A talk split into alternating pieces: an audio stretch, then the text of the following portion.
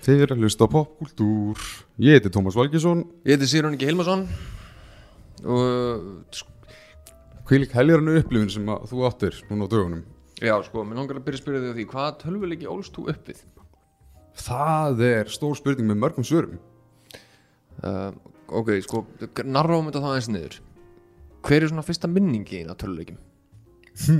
Sennilega, ef það er ekki Jú, það er öruglega Nes Duck Hunt komboið. Kannastu þið það? já, ég kannast það. Já, alveg nei Já, já, sjálfsög Ok, þetta er sérst ég þá. Það, Við fengum Nes mjög snemma á mínu heimili eða svo best mér veit. Við erum alltaf á Íslandi að vera oft þannig að við fáum alltaf eitthvað. Það var eins og þannig við fengum alltaf hluturna miklu setna skilur við fengum 80s alltaf seint hingað til okkar. Og bara þegar kemur að popkultúri minn eins og mér sé bara að þú fyrir lengra aftur í tíman þegar eins og fyrsta Star Wars kemur út. Ég held að hún komið sko 78 hingað. Þegar svona víðari heimir var búin að vera svona nú. Og við bara ekki með sjá þessu litlu Star Wars mynd en hérna, já, svo basically ég, við vorum með, með, með NES og það var þessi appi snugula bissa. Og þú veist, hérna þú varst að veiða endur með veist, þessari bissu sem að þú bara beindir að túbuskjánum Og skoist, þannig að það var hofir á milli þess og fyrsta Super Mario Bros. Já, en svona kategóriklíu svona yfir heildina já, ég er NES og mjög mikið 64 bann var mikið, þú veist, að hafa PlayStation 1, 2, 3 plus um, mjög mikið að PC-leikjum og sérstaklega uh, LucasArts svona já uh, ekki, já, svona svona, það er ekki mynd fetch quest leikir eða þannig okkur nei, ég myndi ekki segja það. Þetta er svona point and click leikir, svona tala með ekki? Jú. mm Að því að sko, fyrsta minningi mín af tölvuleik um, Svona alvöru minningi mín Er á NES Það er, það er NES sem var með kössalaga festringuna ekki? Super Nintendo sem. SNES hún var með svona meiri Já. singlaði festringu Passa. Já, fyrsta minningi mín er af NES tölvu um, Ég var kannski hvað, þryggja fjögur ára. Og spilaði sem sagt Super Mario ég held að þetta sé þriðji en þetta er þannig þessi íkóniski leikur sem hefur verið endur gefið aftur og aftur. Með vangjónum, p-vangnum e, nei, ekki, ekki, þeir, ekki sáleikur sko. Heldur bara þú veist þannig að típiska level 0-1, 0-1 og svo kom sáleikur og Gameboy aftur já, og, byrju, já, ok, já. Það er allavega fyrsta minningi mín að spilatöluleiki er að vera í þeim leik. Já, og fá að spila sem, sagt, sem Luigi. Og meðan eldri frendi minn sem átti tölvuna var Mario. Og þá náttúrulega skipti ekki máli hvort ég dó. Það, það held borðið bara áfram. Því ég gerir ráð fyrir því að ég hef verið lítil skítur sem að kunni ekki að hoppa almennlega í hluti en Super Mario Brothers er basically bara Nintendo. Þegar fólk hugsa um Nintendo þá hugsa um Mario. Leikirnir hafa gengið í gegnum margar breytingar og er búin að vera til bara, þú veist, í hvað, 25, 30 nei, ég held að það sé ég held að hann að vera að fagna 40, nei, 35 ára ámæli um daginn. Að fagna 35 ára alveg rétt. í annarkort fyrra eða ár ég man það ekki alveg 100% en hann er orðin það gamall. Og að sjálfsögðu er til kvikmynd sem kom út 1993 sem fjallar um hinn elskulega og frábæra Mario. Báða tvo. Báða tvo, Mario og bræðina Þú, veist, mér- nú er það hugst út í það Var Luigi einu svona eitthvað rosalega mikið þing í fyrsta leiknum? nei, þú gast ítt á select og þá breyttist búningurinn yfir í grænt. Já, það var svoleiðis. Já. Ég trú ekki eins og muni gestin En ég, hérna, hafðið þú einhverja reynslu af eða, Hefur, hefur eitthvað kynntir Þú veist, hérna Bara svona þessi afbreyði sem það fór í gegnum fyrst Ég meina þú kemur hann fyrsta Sprengju, Nes, Mario leik Svo erum við þetta, þú veist, hvað, var þetta eitthvað svona Japanst þróaði leikur sem einhvern veginn morfaðist yfir í Super Mario Bros. 2 og mm -hmm. súr, maður stendur það sem kannski leiki alla karakter af eitthvað svifið sem hérna, prinsessan verið, já hérna, ókslega steikt tónlist og svo hérna þessi mark kynnti Super Mario Bros. 3 hérna þannig að P-vangja leikurinn sem meiri sér að það var ekki að heil kvikmynd bara þess að promótura þann leik, maður stendur því, þú veist, The Wizard já, það sem climaxin er að spila allt úr því þannig að þú veist, Mario kultúrin var freaking huge á þessum tíma. Þannig að eðlilega kemur Hollywood á einhvern tímpunkt og kemur, heyrðu, krakkarnir mínir er í leikjum. Þau eru alltaf þessum leik, heyrðu, þetta hlýtur að vera eitthvað svona þetta er the next big thing. Og Nintendo hafði náttúrulega áhuga á því að búa til bíómyndir tengda leikjunum sínum eins og með Wizard, það var fyrsta tilhörun þeirra til að fara í kveikmyndagerð uh, myndin var náttúrulega algjörlega ná, drullaði vera hana því að þetta var eins augljósasta auglýsing sem nokkuð tíma næði sérst yep. en á þeim tíma allavega. Já, áhuga til Space Jam 2 uh, ég ætla að mynda að segja það, Evolution með Head and Shoulders? Nei, svo var það, æ, veitu, hvað var- hver eru þekktustu tvær, er það ekki iRobot og The Island? Sem er sem auglýsingar. Já, þú veist, þú horfðu The Island eftir Michael Bay sem er reyndar nota bene úslega skemmtileg farsa sci-fi hasarmynd en þú veist, það er ekki rammi án auglýsinga í, í þeirri mynd. Og svo er náttúrulega iRobot infamously þekktust fyrir náttúrulega, mástu, að vefja plotti með hérna, konverskónum inn í actual söguna. Já, ég var búin að glema því. Spurning með fyrstu Space Jam að vísu um að fyrir í það. Já, Hún er alltaf bara einstóra auðlýsing líka. En, En, en, Wizard Unprecedented fyrir Já, þennan tíma. bara ein risastóra auðlýsing og fólk bara heyrðu Ég sjáum, nú, við sjáum auðvöldlega í gegnum þetta sko. um, En maður hugsa sér sko Eftir leik, eftir leik, eftir leik, eftir leik sem allir eru geggjaðir nánast, þú veist, það er eiginlega ekki feilspor í sögu Mario uh, veist, hvernig er bíómynd sem að var gerð eftir honum? Hvernig parast hún við tölvuleikina?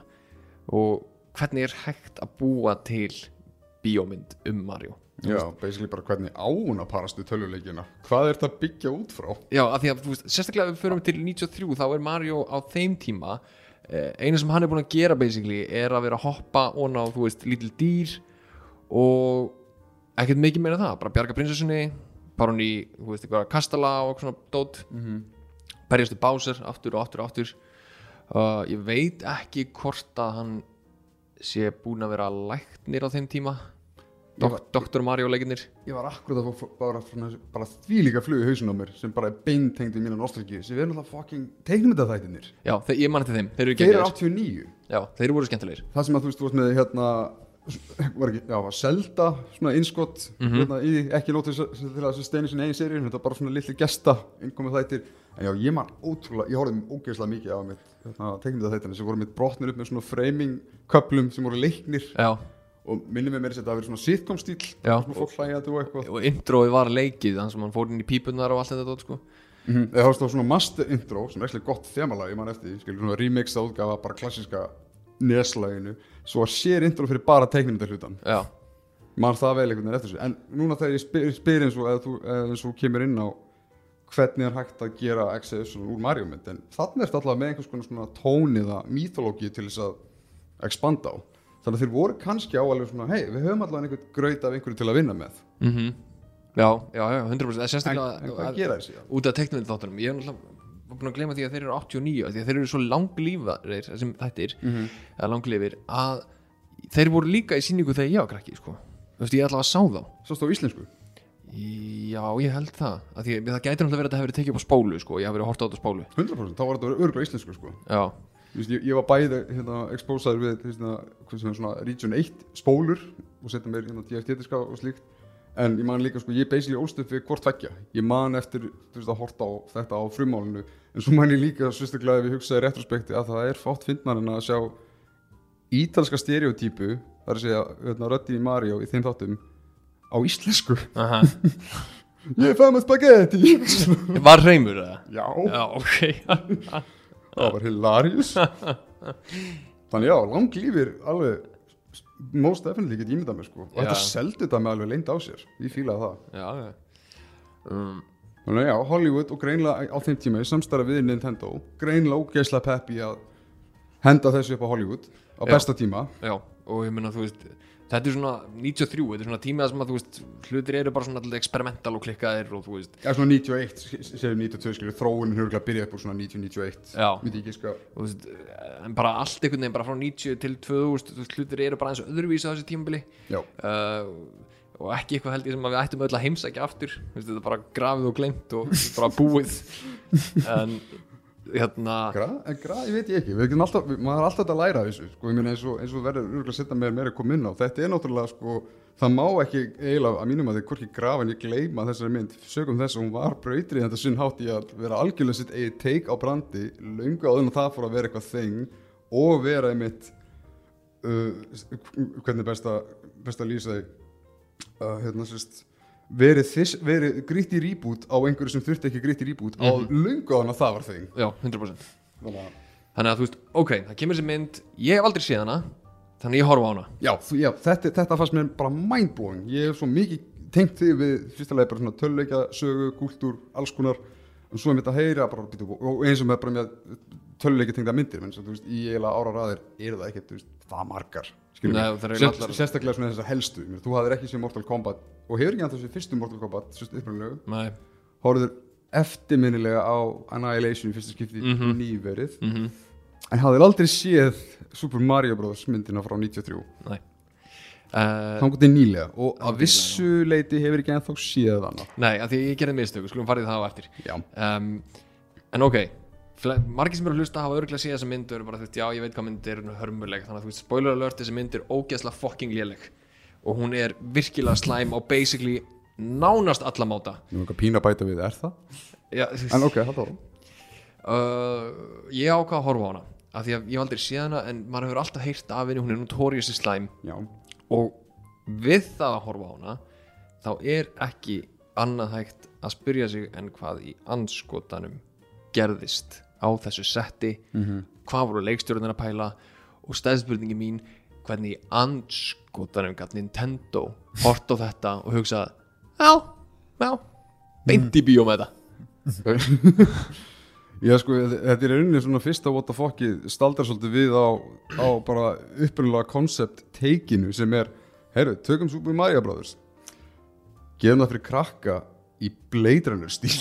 Já, bókstala í, í, í, auka bland við, þú veist, eitthvað svona, svona Terry Gilliam, fucking svona cyberpunk-esk bara síru og sko, ef við förum í gegnum handritið, ok, sko, ég ætla bara að segja það strax að það eru allt of mörg nöfn sem að tengjast þessu framleiðsluferli sem að koma og fara og koma og fara.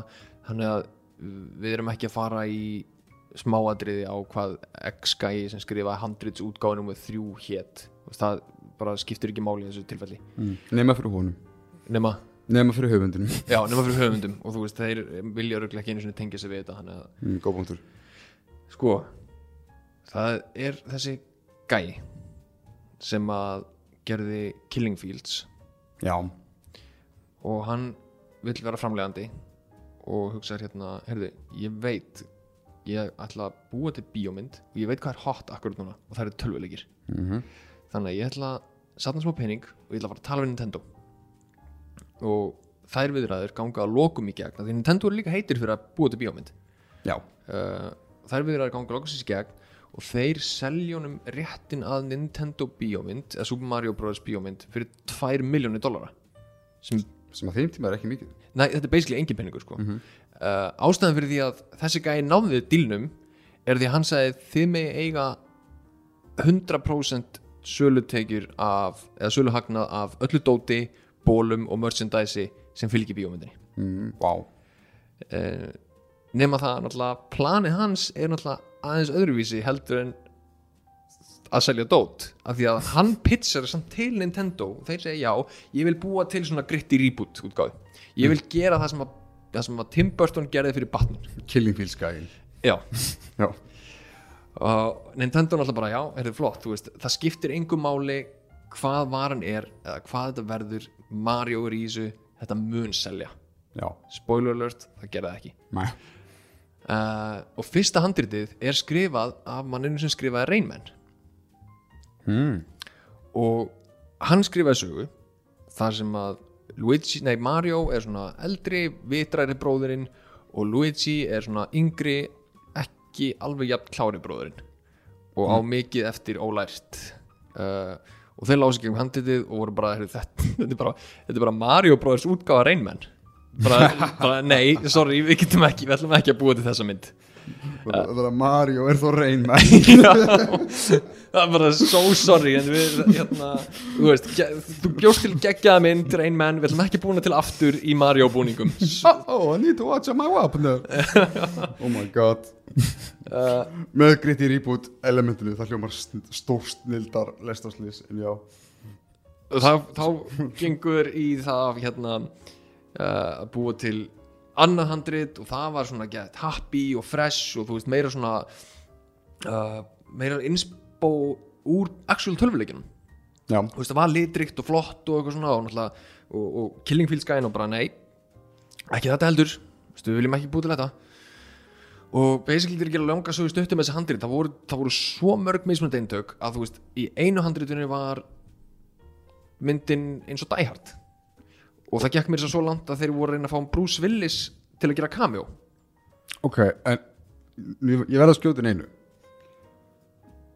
Ég einhvern veginn af öllu eða svona, öllu, já, af öllu illu ég undarlega get séð það fyrir mér. Já, veist, hvað er daghært annað en skiluru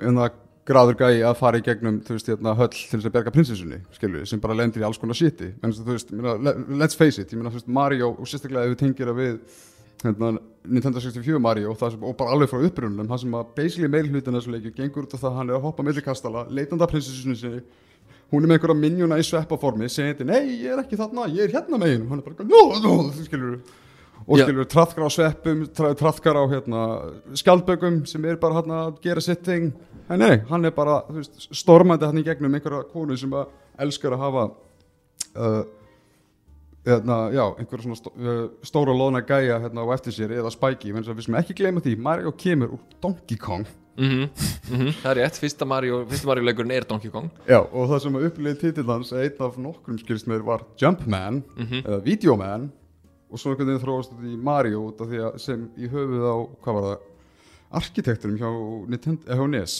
eitthvað svo leiðis, nei ég manna ekki. Einhver, einhver þarna allavega þekktur sem að mörgum mislíkaði, skilst mér. En allavega já, við hefum aldrei gleyma allavega Donkey Kong rótonum nei, bara þú veist, hann bara, já, hann kemur hana og hoppar hefur, hefur ákveðin gól svo spinnar það yfir í kvikmyndina En það líka meikar alveg sens að því að sko markmiðið í Mario leikjónum er alltaf að enda í kastalunum hans Bowsers Mhm. og taka niður bossin í kastalunum uh, Vandamáli bara við þetta handrit er að það var allt ofbildisfullt Sjokkar og þeir vildu náttúrulega, þú veist, og það kemur líka að þeir vildu fá Bruce Willis inn með cameo og fá smá Die Hard feeling og eitthvað svona og þú veist, jújú, jú, ég skil þetta Sem en hvað? Hefur það komið fram? Bara sem, sem bara, bara Bruce Willis, bara leikarinn já, bara, bara Bruce Willis leikar náttúrulega komið með cameo. Ok, ég var, já ok, ég fór að sjá fyrir mig sem svepp. Uh, Ok. og, mér- og mér langar líka að benda á fyrir þá sem hafa áhuga að fara að kafa þess dýbra þá er til þess að síðast myndir smbmovie.com uh, öll sjö mismunandi handritin eru þannig inni. Og eitt handritið var basically Ghostbusters rip-off. Vá. Þar sem að Mario, átti, var, Mario var basically skrifaður eins og Bill Murray Ok, það er, það, það, er, það er skref upp frá Dustin Hoffman Reynman, já, algjörlega. Uh, en svo gekk þetta einhvern veginn bara fram og tilbaka og það er eitt handrit sem heitir Mad Max draftið Wow. uh, sem að meika samtalið sens með myndina skilur því að þetta er svo mikið svona veist, það er mikil eyðimörk. Góðu príkarsur á Mario Kart líka já, nákvæmlega. Ma hardcore Mario Okkur Kart. gerir engin fucking Mad Max Mario Kart. Það var í fucking stórsnill Af öllu helviti sétum sem þeir hafa moldað úr þessu brandi. Það er svo mann finnst einhvern veginn samt eins og þeir hafa ekki gert nóg. Já, Mario Kart myndbindi er alveg 100% slagi gegn held ég sko. Uh -huh. Uh, en svo hvernig gengur þetta bara fram og tilbaka og bla bla bla og svo verður loksins til loka handrit sem að er, þú veist svona tróðfullt af sci-fi og karakterarnir eru, þú veist eins og, ekki eins og þeir eru í myndinni en þeir eru, veist, meira svona mature og, og myndin á að heilla bæði börn og fullorna og Killing Field Skyin er ennþá að framleiða þetta allt. Já, Já, já hann, hann framleiti alla myndina sko. Já. Mest hann er með yfir imsjón yfir allir þessum sjö handritum og já, og svo náttúrulega á sama tíma sem þeir eru að framlega að koma handritunum í gang þá eru þeir að hérna uh, þá eru þeir með hérna ætla ég að segja að reyna að fá leikarinn inn já. og einn af fyrstu mönnunum sem þeir fá sem að tengist handritinu, fyrsta handritinu er Dustin Hoffman já. og Dustin Hoffman man ekki hvort hann hafi sagt nei eða hvort að það er bara liðan langur tími eða eitthvað en við erum að það gengur allavega ekki upp já. og þá segir þeir, heyrðu, Danny DeVito já. sem meikar fullkomið fucking sens já án ég, gríns, hann er fullkomin Mario ég skil ekki hvernig hann er bjövalið Nei, emmitt og þeir fá Danny DeVito, en þeir vilja líka Danny DeVito leikstýri myndinni Já, af því hann náttúrulega er með, hann er með leikstýri og chops já, og getur verið í aðluturki Mhm. hann les handritið og hlær og segir nei. Vist, ég, ég, ok, ég veit ekki hvort hann er hleið en mér grunnar hann er hleið og veist, ég sé það allavega fyrir mér. Hann situr heimi og sér hlær og bara ha, nei, ekki séns. Uh, en þú veist, góða brandari. Uh, var, var John Goodman einhvers staðar í umræðinu sem, sem var, veistu það? Ekki svo ég veit til Þetta, þetta er svona svipa á þegar, sérst, ég, hérna, þegar maður pæli í hugmyndinu sín tíma þegar þeir ákvað að gera Flintstones mynd, maður bara, John Goodman, auðvitað. Já, fullkomið casting. Þannig ok, þannig að, þú veist, Hoffman Pass. Mm svo neglaði niður Mario. Tom Hanks. Alveg, já hann er til í þetta. 5 miljónir dollara og hann er til í að vera Mario. Ok, sko mér hefði ekki fundist að meika eitthvað brjálæðislega mikið Átti hann ekki að vera Luigi, samt? uh, ég hef séð ég hef séð nefnilega verið að tala um að hann áttu að Luigi. Ok.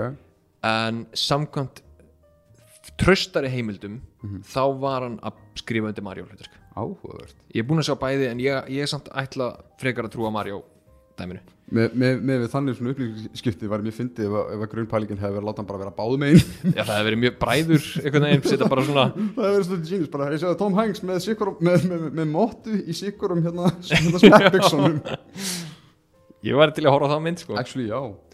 Um, helst, í, helst ef það væri dæhardmyndin já.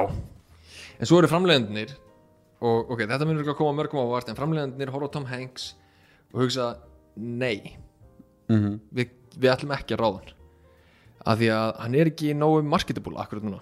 Já, hann akkurat. bara, myndirnar sem hann er búin að gera undanfærið eru bara flop uh -huh. fólk er ekki að horfa á hann, hann er ekki nógu likeable og þú veist, sorry við þurfum að fara eitthvað annað. Uh, árið 93 kemur Mario Brothers og árið 93 kemur líka Philadelphia. Og hann vinnur Óskarinn. Sem er hérna smá svona in your face. Það hefur verið stórs furðulegt og skrítið ef að hérna Tom Hanks hefði endað einhvern veginn fyrirlin hans hefði svona morfað yfir í Mario og ekki gengið og við værum ekki með Tom Hanks sem við værum með í dag. Uh, en svo náttúrulega að lokum þá neglaðir Bob Hoskins. Mikið snilling. Mm breskur leikari stórleikari á þeim tíma réttilega þekktustu fyrir Who Framed Roger Rabbit. Já, með þá mynd. Og meikaði alveg sens þú veist, með að við hvað hann var að koma úr veist, Roger Rabbit meika ókslega mikið penning fyrir yfir í Mario. Og þetta er svona, já, allt flott. Uh, svo ráðir John leikur Samo Leguizamo, ég ætlaði ekki að segja þetta nafn villist hmm. og, Pestina sjálfa. já og þá er þeir komið með Mario gengið. Svo vant þeim náttúrulega vondakall mm -hmm. þeir tala var Arnold Schwarzenegger. Arnold Schwarzenegger segir nei. Ótrúlegt en satt samt þá segir hann nei. Þú veist ég skil ekki af hverju hann sagði nei. Mér langar að sjá það. Gæinn leikur Mr. Freeze og hann sagði nei við að vera í Mario Brothers mynd. Sko af öllum karakterum eins og Koopa til að gefa bara catchphrase og láta syngja fyrir minjónunum sína. Aha. hann var greinlega bara ekki komið nógu mikið á þann stað en það var greinlega stutt í það að hann myndi missa einhvern þannig svona, svona tónavýr og hugsa no, I'm gonna do junior. Svona nei ok, þetta er harmleikur. Bob Hoskins, þetta leikur saman og, fucking Schwarzenegger. En svo af einhverjum fárunlegum ástæðum þá náður Dennis Hopper sem að er líka geggjaður leikari hann er þetta, það, ok, ég skal gefa það það er mjög gott varaval Já. og, og ég, ég skal alveg gefa myndinni það já. ég skal alveg gefa myndinni það að þrátt fyrir allt sem er svo virkilega, virkilega aðeins er í bíómynd þessi þrýr gæjar og eiginlega líka eiginlega bara allir aðaleikarnir Mhm. í myndinni, líka svo sem leikur hérna Daisy þau eru öll bara freka góð sko. Já, þau, eiginlega allir leikarnir kommitta Mhm. mér -hmm. þú veist, ég meina þú veist í Fjónu Sjó þarna, svo með já, þarna, Fisher Stevens er einmitt annar þeirra mm -hmm. einmitt á mörgum þekktu sem er eitthvað heimild að gera maður sem gerði, mann ekki alveg hvað minnar hétu hann fekk Oscar fyrir eina þeirra og vandikallin í Hackers þannig að kastið dögir álega í eigeiminu sínu, sko, það er gaman aðeim já, alveg bara og líka magnað með að þau eru drukkin mest allan tíman sko. fyrir utan það um, og, og, og það var út af bara endalösu vissinni, byggari uh, við höfum líka eftir að koma inn á leikstjóruna Já, leikstjórnir eru ráðnir uh, út frá því að hafa gert sem sagt einhverja 20 mínuna sjómasmynd sem var geðveikt sci-fi og futuristic Mm. Hefur þú séð klippu úr þeirri mynd? nefnilega ekki Þar eru þeir með gæja sem er svona sci-fi vondur og lítur alveg 100% út eins og kúpa. Í formin Dennis Hopper? Já. Magnað. Sama ljósa hár Sami svarti leðufrakki sem er skiptingar hérna í, í Já, hárinu í hárunu, já. Þetta, ó, þetta minnir svo mikið á þarna fucking á, ég glem alltaf hvað hann heitir þarna cyber auðlýsinga 80s gæinn hann sem var í sjónvarpinu í Back to the Future. Þetta er eitthvað svona, svona ákveðin stíl allavega, já, þannig að hann leit alveg eins út. Já, ok, þannig að þeir, þeir ráða þau tvö og þau tvö voru svo bara gjössanlega vanhæf. Þau tvö leik, leikstjóra teimið já, að öllu leiti uh, en svo líður smá tími og þú veist, hlutir fari í post- in the pre-production set designerinn á myndinni gerði Blade Runners akkurat meðal annars. Og hlutir byrja bara að fara bara til fjandans. Og hérna hann sagði í, sagði í viðtali hann hérna John Leguizamo minnir mig að því að sko hann skrifaði bók um lífið sitt og, svo, já. já, og talar mjög mikið um þessa mynd í bókinni og segir einu af þessar hluti uh, þegar þau mæta á svæðið, leikararnir þá er handrit, handritið ekki það sem að þau lásu Mhm. það er bara búið gjössanlega að breyta í allt sem að þau lásu þegar þau fengu að senda til sín það voru þú veist að hans veist, það voru góði brandarar sagan meikaði sens og hlutinir einhvern veginn bara gengu upp og þetta var svona, heyrðu, já ég er til í að gera þessa mynd. Og það var ástæðan fyrir því að náðu þessu fólki. Já, og við skulum hafa það að að myndin kostar um 50 miljón dólara sem er mikið á þessum tíma. Já, sem er mjög mikið. Það er, það er, það er bara svona tentpól mynd, skilur Það var alltaf að tala um, skilur, 50 til 100 miljón dólar mynd. Þetta var, þetta var tentpól, svona svona bólparki oftast. Já, einmitt. Og En va vanhæft leikstjórnteimi sem greinlega hafði ekki mikla reynslu af svona umfangi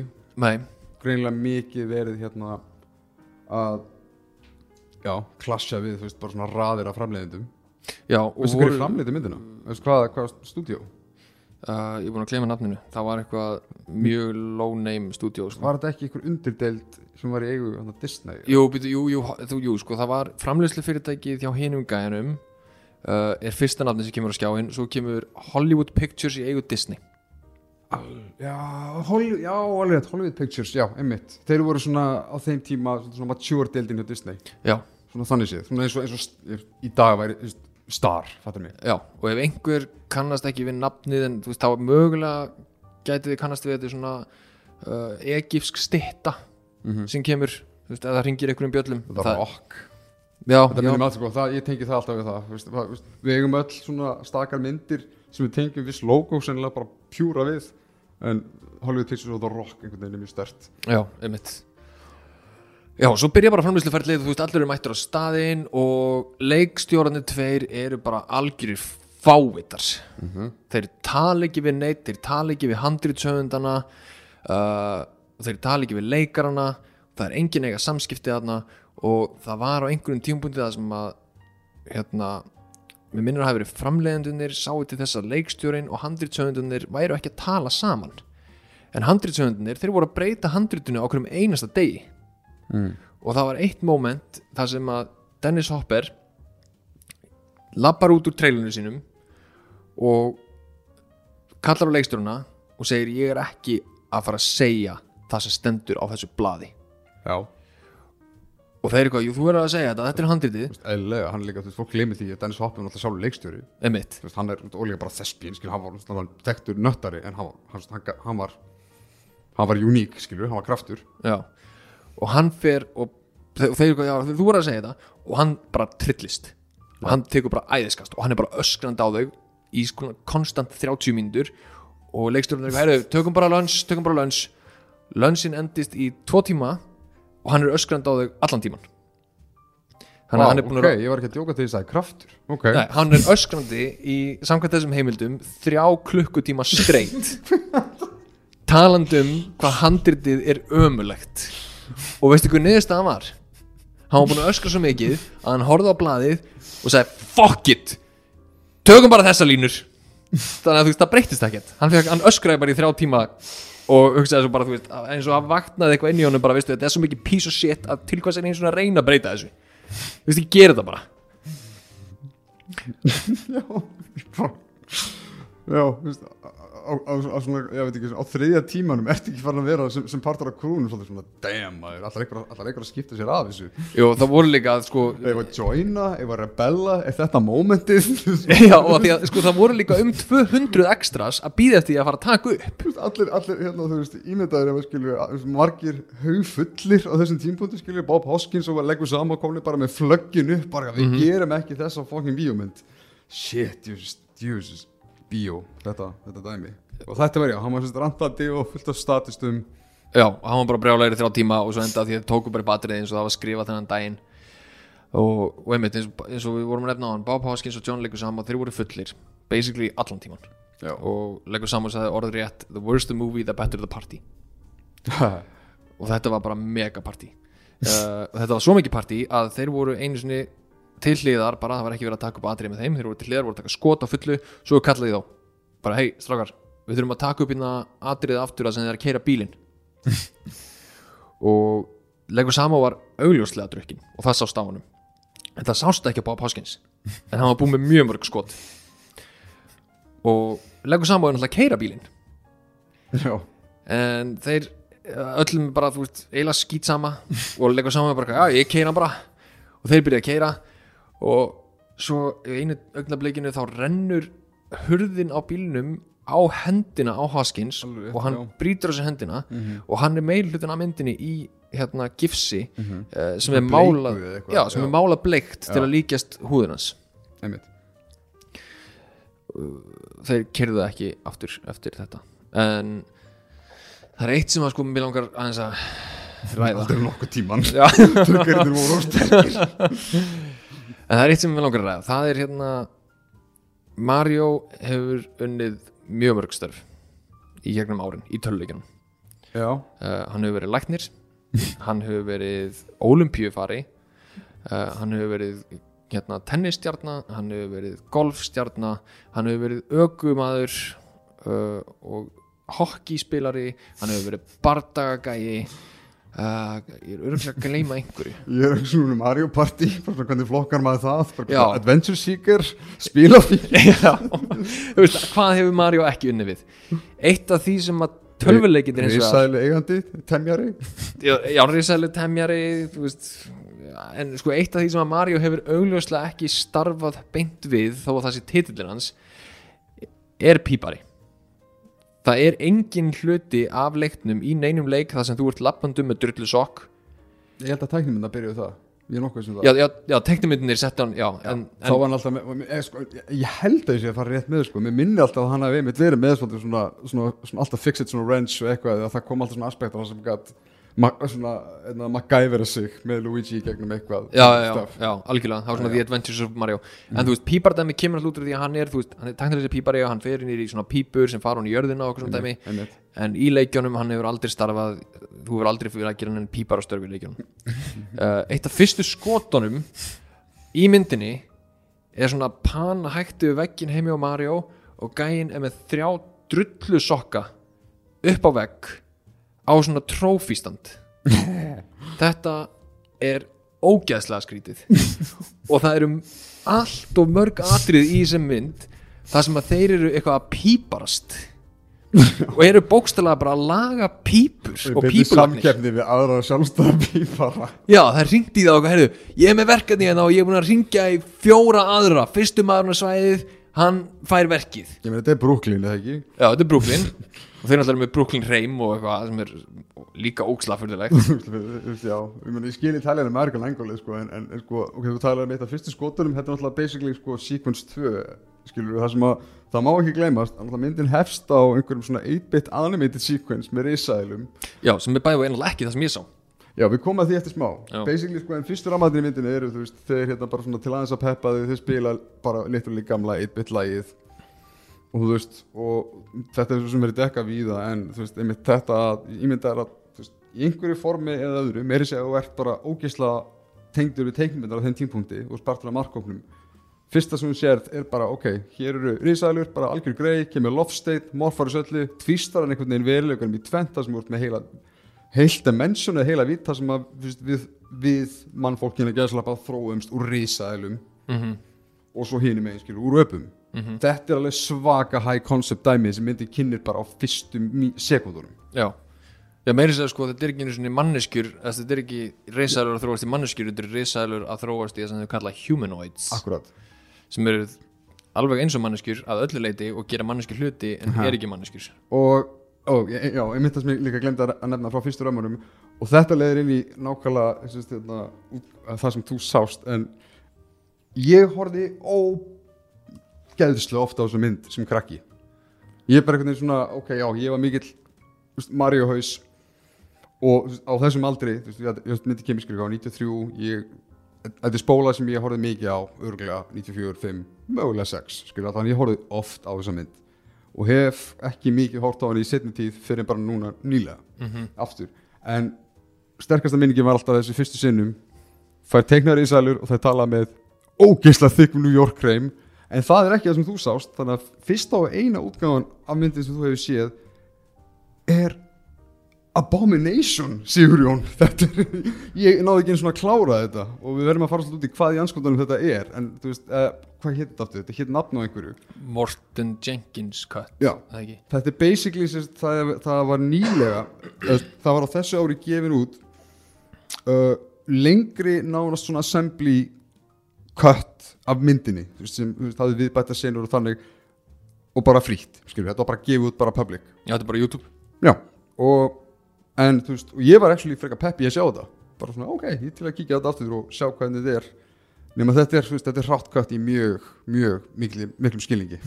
Já, já, já, myndin er hræðilegum geðum sko. og hún er alltaf að köttu í ykkur svona furðuleg skota sem að ég held að sé hluti af filmunni inn á skjánum og Já, þú sér basically bara svona, svona, bara svona óframkvöldu filmuna, skilur, hún dettur í svartkvít og hún þarf líka einhvern veginn svona að svona sidesteppa sig í kringum það hvernig nýja efnið vefur tónlistin og skorið og aðra hljóðurás inn í, skilur, current myndina. En þetta er það eina sem þú hefur séð. En þú hefur basically séð meira svona complete mynd en ég innan gæsalaba, en þú hefur séð hann á klára hana lengri. En ég horfði aftur á það sem við kallum bara traditional bio útgáfana uh -huh. En hvernig var að horfa á þessa mynd? sko, Hvernig var að upplifa þetta? málið er náttúrulega að þegar að þú sest niður og fyrir að horfa mynd sem að talin vera basically með verri myndum sem noktíman hefur verið framleitar og algjört lestaslýs á öllu leiti uh, þá býstu við í vesta og ég Mm. kveiki á þessir ég veit, veit náttúrulega ekki að ég sé að fara að horfa á þessu útgáfu Já, ég sé bara, bara lengdina og ég bara, oh my god, þetta er tveir klukkutímar og fimm mínútur. Bara, Jésús Kristur, þetta er svona lengt mynd. Og ég er náttúrulega ákveð ekki að fakt checka á IMDb eða neitt. Það er Uh, mikið satt að Mario mynd er tvei tímar og maður svona, shit hvað þetta er langt? Já, einmitt, nákvæmlega, ég, ég bjóst við svona kannski 70-80 mínútum sko. ekki með svona klikkum hopper. Þú hefur ekki mann sem hefur capacity til að öskra í þrjá tíma á þess að fylla einhvern veginn í þetta. En ég er bara sammála þetta það, veist, hverjum datt í hug að hafa en intense pípara fókus Já Ég kveiki á henni og ég bara, þú veist, og ég by the way, er bara, ég veit að ég er að fara að horfa á okkur slæmt. Ég er bara svona tilbúin til að taka það einhvern veginn bara svona inn á mig. Myndin byrjar og það kemur einhver loftsteinn úr jörðinni og sprengir úr geimnum. Já, úr geimnum og sprengir jörðina og ég bara ég setja hana og ég finnst alveg bara, ég skil ekkert hvað er að gerast. Akkur já, mynd, já, myndin útskýrir ekki neitt. Þarna fegst ekki narrationuð Já, af því að þá bara klippur hún yfir í Mario eitthvað í, í New York eitthvað að píparast og ég bara, af hverju var verið að sína mér loftsteinin sem drap grisælur fyrir 65 miljónum árum? Það tengist bíómyndin ekki á neitt sko, nátt ok, fyrst alveg þessi mynd sko, þið finnir hvað þessi mynd er mikið pretentious svona high art í einhvern veginn svona í, í eigin svona ekoskilningi vegna þess að þú veist, þetta er ekki Dark City, þetta er ekki eitthvað svona less is more, sko, ég, ég sá myndin strax þegar ég byrjaði að horfa á þessa, þessa útgáfu að þetta er eitt af þessum keisum sem þetta að gera mynd sem er primarily fyrir krakka þú þart fucking voice-over þið, þú ert að díla við risaðalur og vítir algjörlega. Og þú multithróanir þannig að já, myndin byrjar ógísla köld fyrir þér engin hérna merkjum samingi Nei, og það er bara allt í einu bara köttaði Mario og þannig er, þú eru hérna uh, þannig eru drullu sokkaldur á vegnum og ég eitthvað, þetta er ekki, þetta er ekki vola mikið hreinlætis. uh, dæmi hjá honum. Það er kannski históri að baka hvað drullu svo. Kannski þú veist var Cassius Clay einn af þeim sem hann þurfti að þú veist laga pípundar hjá eða skilur mjög guðum að vita hvað skilur veist pípar upp á þessu fag capacity svona, I, clean, I cleaned Donald Trump's shit with this one. Basically, já. Uh, og incidentally ég þalið þema í myndir hvað hérna, Dennis Hopper er skuggalega líkur svona það sem síðan mér var bara svona embodimenti af Trumpisma. Mm basically, sérstaklega þennan panta sér pitchu uh, en já, þú veist, það, er ekki það er, ég verða að setja áherslu á það að þetta narration sem þú varst að segja þarna með risalunar og vittirnar tvær okkur dót ég fekk ekki þetta narration. Ég fekk bara sprengingu á jörðinni og köttað í Mario. Nei, nei, nei, kötta yfir í hérna uh, Ná. Munalis ekki hælið. Já, munalis ekki hælið, já. Og, og, og, allt, já, og, já, það er ekkert samingi og það kemur hérna kona sem skilur eftir uh, svona vöggu og þetta er bara svona, þetta er, þetta er óvenjulega stórt egg sem byrjar bara svona að klekjast út. Já. og það er manneskja í því. Og þú ert bara, what the fuck? Já, hvað er að gerast? Þetta, er, þetta er mínúta þrjú á Mario mynd. Og svo, förum við yfir svo fyrir við einmitt yfir í Mario og ég bara ok, ok, allt í lagi, þetta gerðist. Cool, höldum áfram myndina. Uh, svo byrjar hann að klippast þú veist, gett svona furðulega eins og þetta kötti er. Mhm. en ég hugsa, ok, ég hlýtti að vera að horfa bara á okkur svona furðulegt, þú veist mjög low hérna, quality útgáfi af myndinni eða eitthvað, hlýtur að vera. Svo þegar það eru 25 mínútur liðnar eða eitthvað og ég sé eitt skot eiga sér stað og svo aftur sama skotið í aðeins verri gæðum Mhm. eiga sér stað frá öðru sjónarhóðni þá hugsaði ég, ok, wait a minute. Voru timestampanir ekkert giveaway samt Jú, en ég bara svona, þú veist ég, ég hugsaði bara, þú veist, fuck, það er eitthvað bara off við þessa útgáð sem ég er að horfa á svo googlaði ég þetta og ég bara, ok, ég er að horfa á lengri útgáðuna sem að þú varst búinn að benda mér á ekki horfa á. já, Já. Ég, ég skipaði Sigurjóni fyrir hlustandi til að endilega heyra þetta ég skipaði Sigurjóni þegar að ef hann ætlar að horfa á þessa mynd í fyrsta sinn sjá hana einu sinni eða sjá hana núna að aldrei byrja á þessu kvatti og 20 myndum inn í myndina þá hugsaði ég, veistu, ég er komin of langt hvort þið er já, ég ætla ekki að gefast upp eða þú veist, fara í eitthvað annað þú veist, þessi útgáfa er líka alveg ég veit náttúrulega hef ekki séð hana en þessi er heldur flippuð og ég sá hluti sem að þú veist voru af mjög augljóslega ástæðu kliftir út á myndinni. Já, um, en ok, hún heldur áfram og svo náttúrulega kemur þetta plott þarna með Alternate Universe og þá klikkar inn ah, ok. Og svo náttúrulega kemur hérna, exposition frá Dennis Hopper þar sem hann útskýrir aftur það sem að gerðist. Þannig að þú veist, ég tapaði nei. en ég var bara mjög tindur í fyrstu Þú mínútu. fegst Mario Bros. kvikmyndina. Ég, Nákvæmlega. ég þekki bíómyndina. Uh, en sem, þú veist, það er rosalega eiginlega hvert einast atri í þessari bíómynd er exposition. Þú veist, það er ekkert sem gerist á þess að sé fyrir að útskýra það 100% Já, nema í þessari hérna, extended útgáfi uh, hvað ætlaði að segja? Og alveg smáileg gretta myndi ég argjóða líka. Já, einmitt, það er sem ég ætlaði að tala um.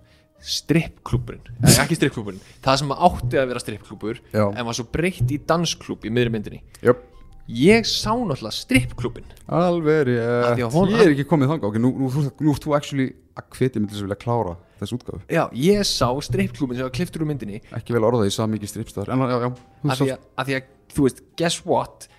honum var náttúrulega bara breytt í dansstað last minute og svo klift í kringum það. Þannig að þú veist, það eru ennþá stripparar. Og ég sé sko, Fuck! ég sé myndaðalina pana yfir, yfir dansklúbin og svo allt í hennu klippist hún yfir í svona, þú veist, eitthvað sem var fjarlægt úr myndinni og þá er bara strippari í basically engum fötum og ég er eitthvað ég bara, veitum við, er þetta ekki badnamynd eða?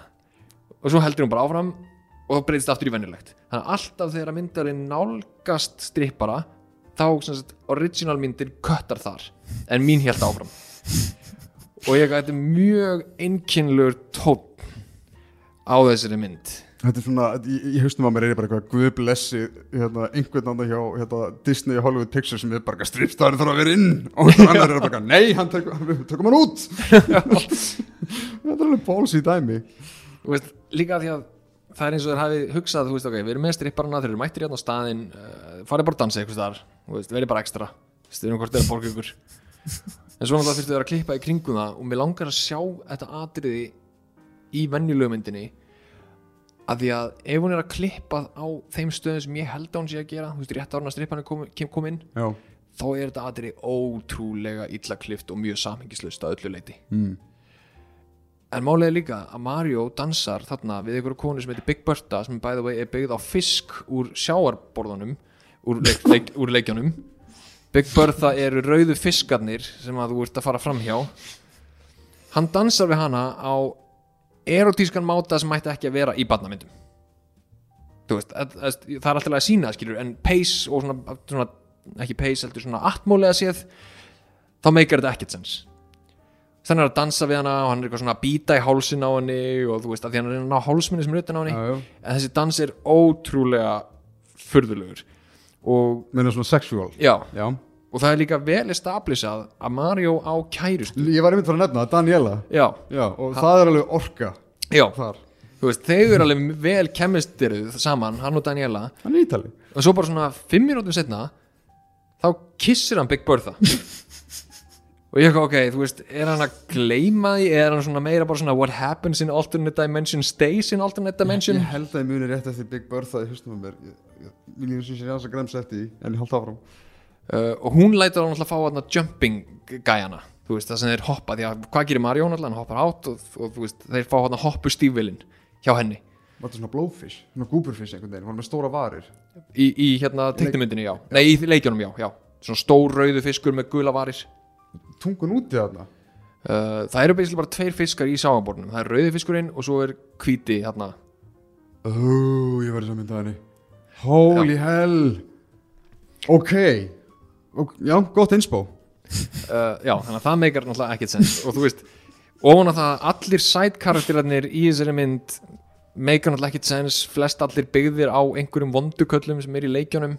Uh, þú veist, eins og Spike hérna, auka karakterinn, hann er hvað skjaldbakan með gattana. Uh, þú veist, Dennis Hopper er Koopa sem er Bowser. Mhm. uh, og hann, þú veist, er með flamethrower af því að Bowser skýtur frá sér eldkúlum. Og þú veist, Og getur, þú veist, breytt sér í risaðlu já, en hann varð samt aldrei risaðela Nei. Og Yoshi er þarna líka sem fangi. Og þú veist, gerir heldur eiginlega neitt er bara eitthvað að vera krútlegur Var eitthvað, ok, hvað gerðist í myndinni þegar það fyrir inn í raunheiminn? Í þinn útgáfi? Ég var ekki komin svo langt. Hvað var gameplanið hans? Hann var að feysa alla yfir í svona de-evolvation eitthvað ekki. Ok, þannig að þetta, ef, ef ég, já.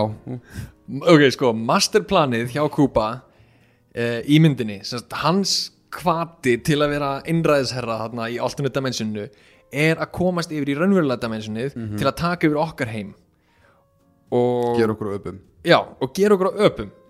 Og svo kemst hann yfir í alvöru heiminn.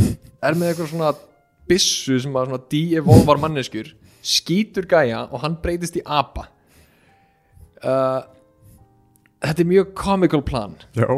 Af því að sko um leið og hann kemur þarna inn þá er þetta svona welcome to the real world guys, við erum með her.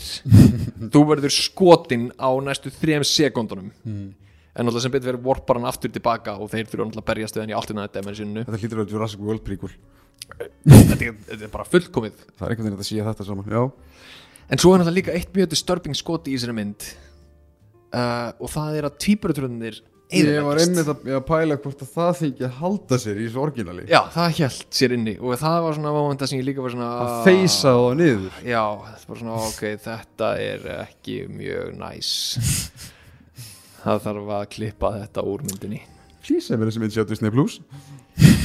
Einhver staðar. Ég vona alltaf, hún- ég vona hún endi á star. En þú talaði með, já, glemt það grafið, sko, þessi mynd er alltof mikið fucking legend einhvern veginn, sko, og, og það þurfti kannski, kannski í mínu tilfelli, það þurfti svona margra ára einhvern veginn inspection á, veist, úr því bara hvað ákvæmdi glötuð Mario mynd og glötuð ævintýra fucking hybrid mynd, en hún er samt svo nuts, skemmtileg, einhvern veginn. Ég man að, þú veist, ég fílaði skorið í henni, ég finnst peysið á henni svolítið svo, hún er eitthvað svo whack, þetta er eins og bara nánast, þú myndir sjá eitthvað svona James Gunny, skilur, fyrir Disney peninga á þessum tíma. E, Já, já, já, algjörlega sko. Þannig að þú veist, það er einhver element við hann og líka bara Bob Hoskins og já eins og segir, bara leikarnir jú, það er design í myndinni þú veist, myndin er líka sko, hún er svo ekki það er eitthvað sem stóð upp á mér sem krakki Já. Allt morandi í slími. Já, getum við með rætt að slímið hjálpar þeim út af alla myndina og er lifandi karakter og er fyrirverandi kongurinn í ríkinu. Mhm. og kemur hérna úr sínu slímhjúp sem einhver slímkúla Mhm. og John leggur saman og segir, já, gleðu mig að kynnast þér og eitthvað, og slímið bara og legur bara slími og er viðbjóður. Þess að Daisy er hann fyrir föðu sínum. Þetta er svona, svona hitti tengdasvonin momentið. Já. I like you to meet someone og þú veist, satt að segja þá finnst mér þetta alveg frekar fyndið atrið, sko, að þetta er svo ógeðslega klikkað. En þú ert gjörsamlega búin að selja mig anskotin hafið að klára þessa fucking hina útgáfu bara upp á þetta, eh, líka þegar þú talar um sko, ég sammála sko að í bíóutgáfun er alltaf mikill píparafókus og það af því af þeim kannski þriðungi sem ég horfði á eða meika að horfa á í þessum gæðum mm það fókusaði mikið á fucking pípara subplotið maður. Já, þannig að já, ég get ekki ímynda mér hversu miklu þau hefur örugglega bætt við þar. Mm það er alveg uh, allt og mikið, sko. En þú veist, ég veit ekki hvað var mér fannst einhvern veginn, þetta rough cut element við þessa útgáfu það fór ekkert svo mikið töðanar á mér. Nei, nei, ég skilji þú veist, ég einhvern veginn bara um leið að því að ég held svona eiginlega til að byrja með að þetta væri bara myndin og ég væri að horfa okkur að léla útgáðanni og ég var ekki í stuði til að þú veist eitthvað, ok, ég hlýt nú ekki að funda eitthvað betur en þetta. Þú veist, mér var eiginlega bara alveg drullu sama. Akkurat. Þannig ég bara svona, ég, veist, ég bara horfa á þetta næstu tvo klukkutímana. Og svo líka bara með til þess að þú ert að upplifa þetta í fyrsta skipti. Ég get ímyndið ímyndið það bara svona betur og svo ertu skilju, þú ert komin yfir þennan hump þar sem þú ert búin að hugsa, ég ætla bara að þrauka þetta. Svo koma fucking creature designin og fucking Blade Runner fuck, hérna heimurinn og þú veist, ég ætla þessir Goombas eru bara einhvers konar þetta er einhvers konar keks, þeir, þeir eru ekstra, ekstra, ekstra miklir svona dumbfucks elska að dansa Svona dansa. einfaldir, borderline svona krútlegir skeri þetta er svona, þetta er eitt af því sem fokkaði mér svolítið upp sem krakkið, svona, er hann krútt eða er hann ógeð? Þú veist, svona, þetta er svona, ó, mér langar í svona bángsa en líka hvernig myndi ég bregðast við sem áttara krakki ef ég myndi þú veist fá martru um eitt stæði svona inn í herbygginu við hliðin á rúminu mínu? Þannig að þetta er þessi mynd hefur hræðjar, ég skal gefa henni það og meiri sé að fokkin slímhjúpur lítur út þessu pungur þannig að hún er er einhvers konar en veist það er, er eitt hluti sem ég verð að minnast á sem er einmitt að í viðtali við The Guardian og já, þú talar um að hérna, Leikvið Sama hefði mitt skrifað æfisögu og Mm. tala bara um hvað þetta var mikið stórslis og bara ömölu upplifun. Þetta Bob Hoskins, verðandi maður sem slasaðist hann, hann sagði í viðtali við The Guardian þegar spurður að þremur ólíkum spurningum og það var sérst, uh, stærsta eftirsjáin, versta starfið og hvað var þriðja? og eitthvað sem þú myndir breyta úr lífinu Akkurat, allt sama svarið. Já, Super Mario Bros. Mm -hmm. og hann vissi líka ekki að hann væri að búa til bíómynd sem hann byggði á tölvuleik fyrir að hann byrjar að leiki henni. Og sonur hans var eitthvað, hei, hvað ertu að gera núna pappi og hann sagði, að eitthvað mynd sem heitir Mario Bros. Ah, ég hef spilað þann leik. Og þá var hann svona, já, ok, what, er þetta tölvuleikur? Um, en ég verði allavega að segja, þú veist, það að horfa á þessa mynd með því við því hérna sjónarhóttni um hvað hún er virkilega léleg. Áhorfið fórilega frá því að vera svona þú veist, hvað er ég að fara að horfa á? Yfir í svona Hvað er ég að horfa á? já, ha, þetta er, er aðteglisvert þannig að ef þið hafi ekki séð myndina þá mæli ég með að þú veist, kíkja á hana sko, bara ekki horfa á þessa útgáðu sem ég horfa á. Ég, ég ætla að taka counterpointi þar og segja frá einhverju sem ætlaði aldrei að klára þetta. Það er bara svona þið sem hafi séð sem mynd oft og þekki hana vel og eru af einhverjum ástæðum ekki búin að kíkja á þetta Morton Harris var uh, það, Morten, var þetta ekki Morten Jenkins? Ég, veit það ekki. Fyrir mér er þetta bara, þetta er bara, þetta er basically assembly cut. Já, hún er allavega- hún er kölluð extended cut allavega, þannig að þið getur fundið hana þannig. Og hún er á YouTube. þannig að já, þú veist, ég er nánast farin að færa upp fyrir því að ég veist algjör mest að tjekka á því sérstaklega, þú veist, maður er, og það, þú veist, þessi mynd hefur alveg hún hefur alveg sterkan köld, skilur það er mitt, hún er til á Blu-ray sko. Já, Mm. og þú veist, hún lukkar hún er, hún er alveg vel fúbar, sko, og Já. þú veist það er aldrei leiðilegt að horfa á hana. En þú veist, og einmitt, eins, eins og maður segir, sko, hún, hún bæði snertur á mjög vikka málefni eins og þetta með, já, skotið og típartötunum greinilega trömpista elementin í, í Dennis Hopper og svo grittir íbútið á undan grittir íbútinu. Mm en skemmst er því að segja og fínt að taka þetta fram á lokum en þessi mynd bara hrætti lífið úr Nintendo. Þegar hún kom í bíó loksins þetta, þetta púsluspil of a movie skilur sem að var endalust í endurmótun útferðlið frumsýnd skömm á hún Jurassic Park kemur. Við gáður það ekki? Gæti verið, mestalagi tvær.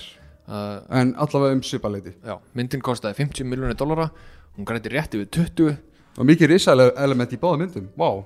nefnilega, fokk, ég pældi ekki eins og því. Það, það var svona risæðileg þemamánuður Já, græ- kostaði 50, græti rétt yfir 20 uh, Nintendo seldi ekki mikinn varning út á þessari mynd no shit. Uh, og þeir basically eru skítrættir við að gera eitthvað við propertyið sitt sem að þeir hafa ekki 100% fullkomi frelsi yfir. Í bíóformið þar að segja. Já. já, og bara basically í öllu sko. þeir eru já, já, reyndar alveg, þú veist, rétt að Pikachu myndin þeir hafa gert hana náttúrulega. En þeir eru samt sem aður Já, það er, já, alveg rétt, það er En Nintendo. en þeir eru samt uh, sko vandamálið er eiginlega það að Nintendo publisher á Pokémon þeir búa ekki til. Var ekki líka ógslum ekki big dealur því að var ekki Rekord Ralph sem akkurat nota ekki Mario? En mátti ekki nota það.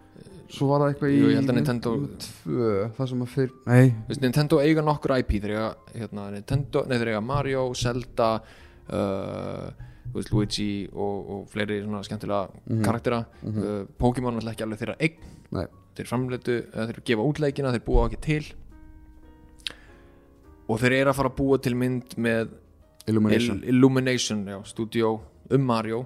Og Nintendo er mjög heavily involved í því ferli. Já, loksins letið verða á því og sáu potential og það væntalega mikið af kokkum í því eldhúsi en Illumination er líka, þú veist ég er svona bæði á því og þetta er bæði hið, full, fullkomna og eitt mest problematic hérna, teiknumyndastúdíóið þegar kemur að þessu property en á sama tíma, skilur, mér er sama en ég væri til að sjá einhverja steik í líkingu við það sem að Nintendo 64 leikunum var skilur, intersplæsa við hopefully, skilur, hérna Mad Max Mario Kart, bara setja þetta allt í súpu bara hafa þetta bara í súpu. Illumination fyrir, það, fyrir fólk sem ekki veit að mér, ég, tengi þetta oft við svona, svona spastískan yktan teiknumyndastíl Mhm. en þú veist, þeir eru alveg veist, þeir, þeir geta verið fókin skemmtilegir þeir eru skemmtilegir. Þekktast er náttúrulega fyrir að koma Out of the Gate með Despicable Me. Svo gerir ég Despicable- Despicable Me 2, 3, Minions eru með Minions 2 Grinch. Já þeir gerir Grinch hann að nýjustu uh, Sing, Sing 2 og Secret Life of Pets var það ekki? Mér finnst þess ekki að gleyma einni en uh, allavega já þetta er svona þú veist, þetta er svona veist hvað þú ert að fá. Já. þannig séð sko Hún endar á lægi það verður fluff. Já, hún enda á lægi æ, það var trend sem að ah, svo vona Ma- manstu hvað það var óþólandi Mhm. ég held að Shrek hafi komið svo svona mest í gang. Já, ég maður þegar ég kveikt á Grinch og ég hugsaði hún endar á lægi Hún endar á lægi óhuggulegur fjöldi teiknumynda tölu teiknumynda sem þurftu alltaf að enda á poplægi Já, en já, Super Mario Bros. alveg um að gera já sorry, eitt að lokum. Já, uh, Myndin heitir Super Mario Brothers Þeir eru ekki bræður í myndinni. Bara Já. taka það fram Þú veist, Það kemur ykkur, ég ætla ekki einu svona spoilu þessu Þið sjáu það þegar að þið horfa á myndina. En þeir eru ekki bræður. Vissir að þessu alveg horfðan Alls ekki. Og ég Vá. satt þarna og ég hugsaði bara hva, hva, ha? Ég hafði engin orð um, um þetta og atriði. myndin meiri sem sko kemur inn á þetta svona fyrir hönd áhörfanda sem eiginlega fokkar meiri í þeim. Það kemur bara eitthvað svona, ok, já, hvernig þekkist þið? Hvað var það, hvað, he's my father, my brother, my uncle Já. bara svona my cousin bara svona, aha. Og e- enn fremur finnst mér merkilegt að þú veist myndin gekk það ekstra mæl að gefa Mario fullt nafn. Já. og Luigi líka. Já, já, Mario Mario. Og Luigi Mario. Þannig að hann er ætlitur af Mario? Já, nei, þú veist, ég veit það hvað ekki. gerir það að brothers skilju, bræðurum, er þetta svona brothers in arms? Er þetta, þú veist, er þetta líka það er líka sem veitir sko í, í, í, í samíki íslenskunar og sérstaklega þegar maður er krakki þú hafðir ekki fokkin hugmynd um það að þú bros með punkti þýtti brothers. Það var alltaf bara Super Mario Bros. Já, Super Mario Bros. Þeir brosa mjög mikið á meðan þeir hoppa og og dansa. Núna heyrir maður bara sko í, í, í skilju nútímar víðara samíki það er bara the Super Mario Bros. Já, such bros. Þannig að þeir voru líka mögulega svona frontrunnerar í bros. Já, Þannig að já, þessi mynd er hún er, hún er keksuruglaði fjarsjóður ég mæli með því að bæði ekki mæla með því að horfa á hana en á sama tíma þetta er eiginlega of klikkað og gaman. Já, algjörlega. Aftur, þeir voru að hlusta popkultúr uh, Endilega hérna smetla á subscribe og fáið tilkynningar þegar nýjasti þáttur kemur út. Það væri mjög vel þegar það myndi henda í 5 stjórnur og kannski eitthvað review hann ef þeir eru í góðu skapi.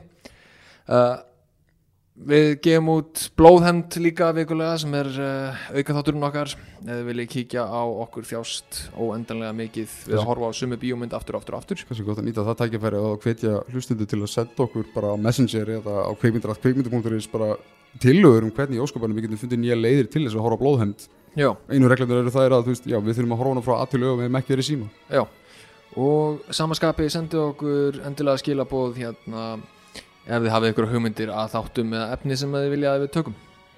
Þá getur næst.